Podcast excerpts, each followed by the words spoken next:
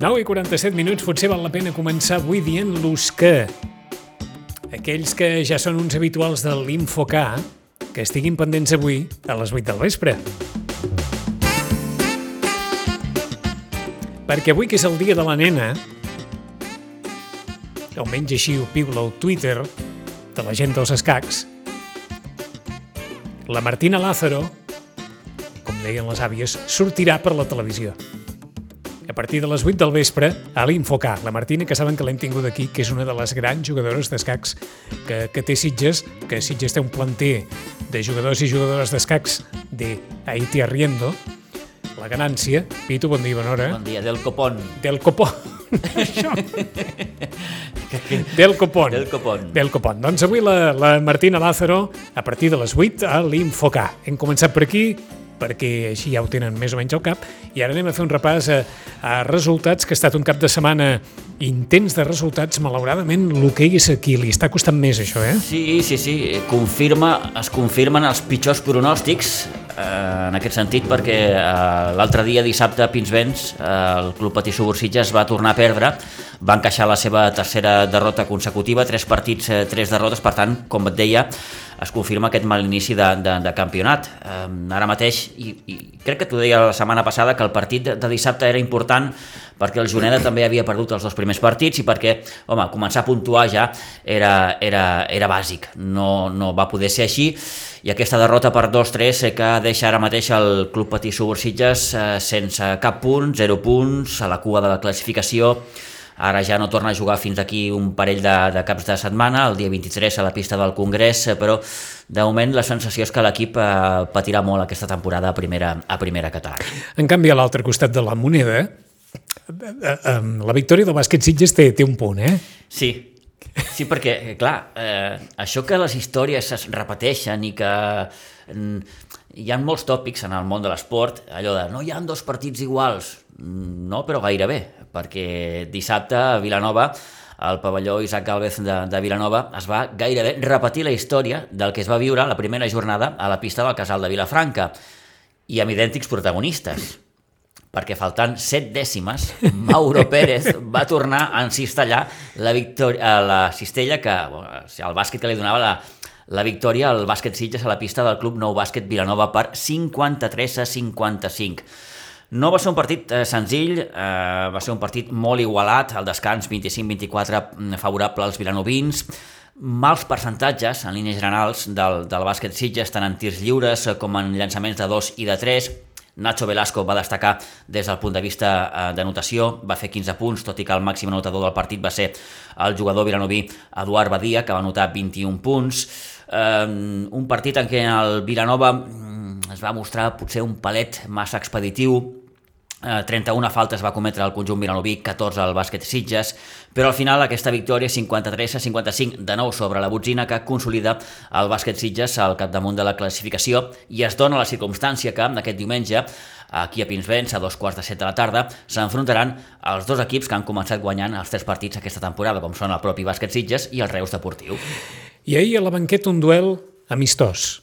Lori Sorroche Manel Rodríguez, un duel amistós, eh? Però en qualsevol cas, ella ella i els seus jugadors, òbviament, se'n van endur el partit. Unió Esportiva Sitges 4, Moja 3. I el Manel Rodríguez, que va acabar de veure el partit mmm, des de fora de la banqueta perquè el van, el van acabar expulsant. Eh, sí, va protestar una, una, una jugada que li va valdre la segona groga i, per tant, el Manel els 20 últims minuts els va haver de veure a la zona del, del, del, dels vestidors.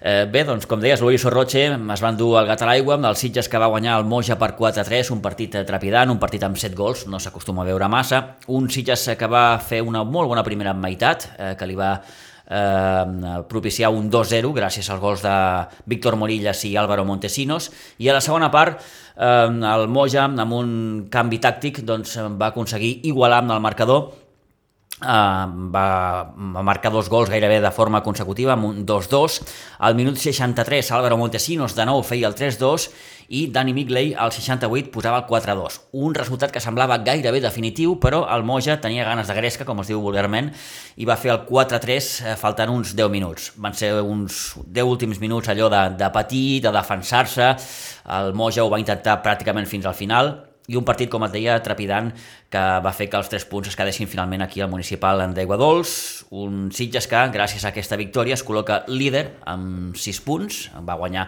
o ha guanyat els seus dos primers partits, i el proper partit, un interessant, Olivella, Unió Esportiva Sitges, aquest proper dissabte al camp de l'Olivella. I el Sitges B, que també va guanyar a la sí, Penya Jove. un partit molt, molt, molt xulo també, eh, la Penya Jove que venia com a, com a líder, al final els Sitges es van dur com es diu vulgarment, el gat a l'aigua, tots els gols al darrer quart d'hora de, de partit. Mm, Carlos Contreras, el millor jugador de la penya jove, que va ser neutralitzat amb un molt bon marcatge per part del Sitges B, eh, tot i que Carlos Contreras va acabar marcant l'únic gol de la penya jove gràcies a un llançament de falta al minut 89.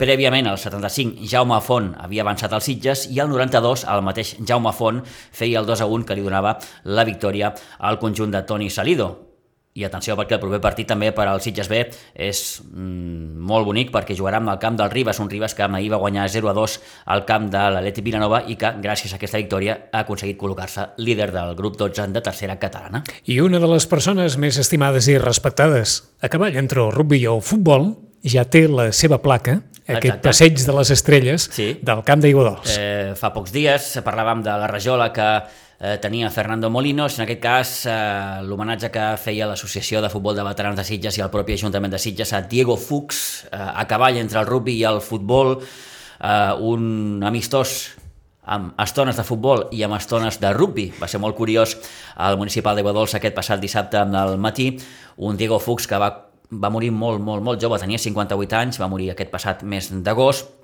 i per tant l'associació de futbol de veterans li va fer aquest homenatge eh, perquè entenem una miqueta qui era Diego Fuchs, un gran jugador de rugby, eh, va jugar a la Sant Boiana, amb la Sant Boiana va guanyar una lliga i dues copes, va ser jugador també dels Sitges, entre d'altres, internacional amb Espanya en quatre ocasions, va fer també carrera com a entrenador.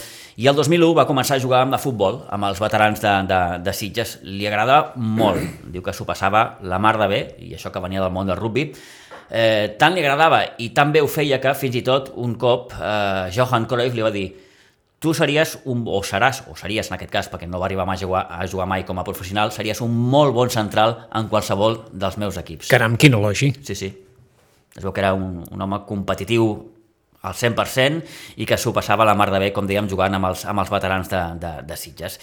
Eh, van haver parlaments abans de descobrir amb aquesta rajola el passatge de les estrelles d'aigua dolç per part de Jaume Bou, el president dels veterans de Sitges, però si et sembla, Vicenç, escoltem el Parlament de Betina, la vídua de Diego Fuchs.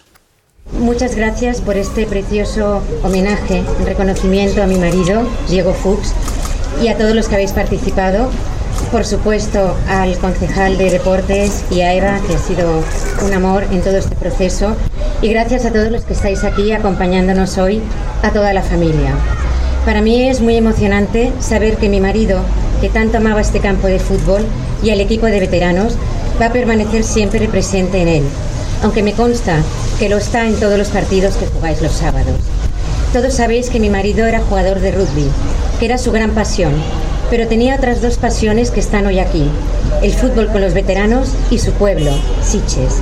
Durante toda su enfermedad, cuando el tratamiento le imposibilitaba hacer vida normal, una de las cosas que más tristeza le causaba era no poder venir el sábado a jugar el partido de fútbol aquí con sus veteranos, en el campo de la Iguadols. Pero sin duda, su gran amor al fútbol lo era a las personas que forman este maravilloso equipo que tantas alegrías le dio. Me encantaba verlo con la ilusión los sábados antes de venir a jugar y la alegría con la que regresaba después del partido. Porque en los veteranos hizo grandes amigos. Algunos, como Tony, más que un amigo, eran y es un verdadero hermano.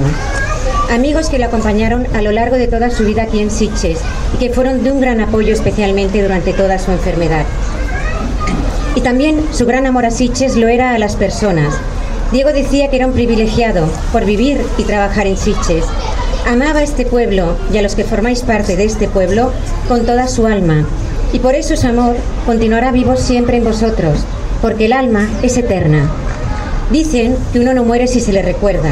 Por eso sé que Diego seguirá con nosotros, siempre viva en Siches, y estará siempre en vuestros corazones. Y esta baldosa que hoy mostraréis aquí en el campo recordará siempre el amor que Diego os tiene y el amor que, vosotros le teníais a Diego. También dicen que uno no es de donde nace, sino donde quiere morir. Y durante su estancia en el hospital, Diego me pedía cada día regresar a Sitges. Y yo le contestaba, mi amor, regresaremos. Y me llena de orgullo, porque Diego está aquí ya para siempre, en su amado Sitges y con su querido equipo de los veteranos de Sitges. Gracias a todos por vuestro cariño y gracias por llevarlo en vuestros corazones. Bueno, de parte de mi familia también un abrazo enorme. Diego está con nosotros. Hasta pronto, amor mío. Hasta siempre. Quines paraules més boniques. Sí, sí, sí, va ser un, un discurs molt, molt, molt emotiu, eh, recordant la figura de Diego Fuchs, que era argentí de naixement i que explicava a Xavi Torres, el periodista de TV3, que va ser l'encarregat de presentar l'acte, que ell va venir aquí a Sitges allò de vacances i aquelles coses que passen. Tanto me gustó que me quedé. I, i Com tants altres Sí, sí, poden com- explicar, eh? com, com, com molts poden, poden explicar.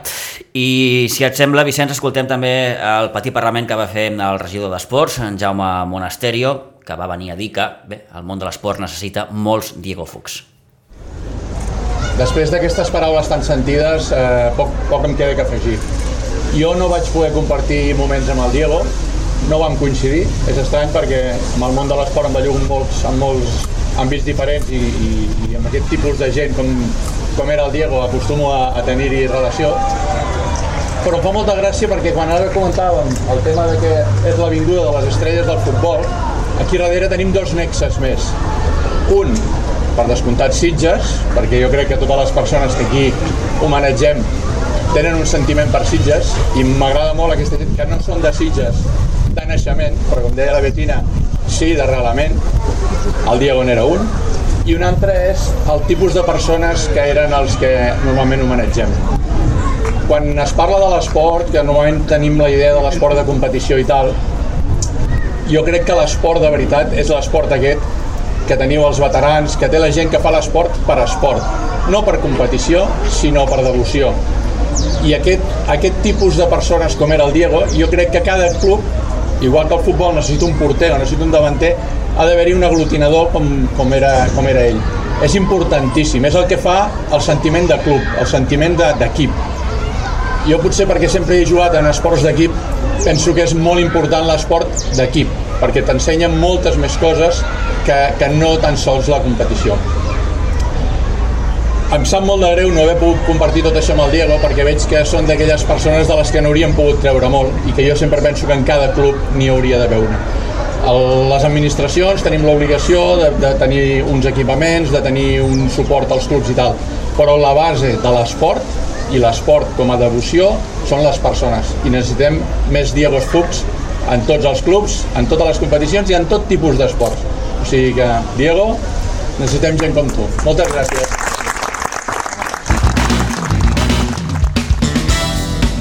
Necessitem més Diego Fuchs en l'esport i gairebé diríem que en la vida en general, Sí. persones amb aquesta actitud i amb aquesta intenció i amb aquests objectius. Alguna cosa més de rugby, Eh, Pitu? sí, un petit apunt per recordar que aquest cap de setmana al camp polivalent de Pinsbens es va disputar el primer torneig de la Mediterrània organitzat pel Rugby Club Sitges en categories sub-14, sub-16 i sub-18. Dir que l'equip de les Abelles va ser campió en categoria sub-14 que el València ho va ser en categoria sub-16 i ahir l'equip del Ponent va ser campió en la categoria sub-18. Debut del sènior del Rugby Club Sitges a la divisió d'honor B, si s'ho volen apuntar, aquest proper dissabte a Saragossa, al camp del Fènix.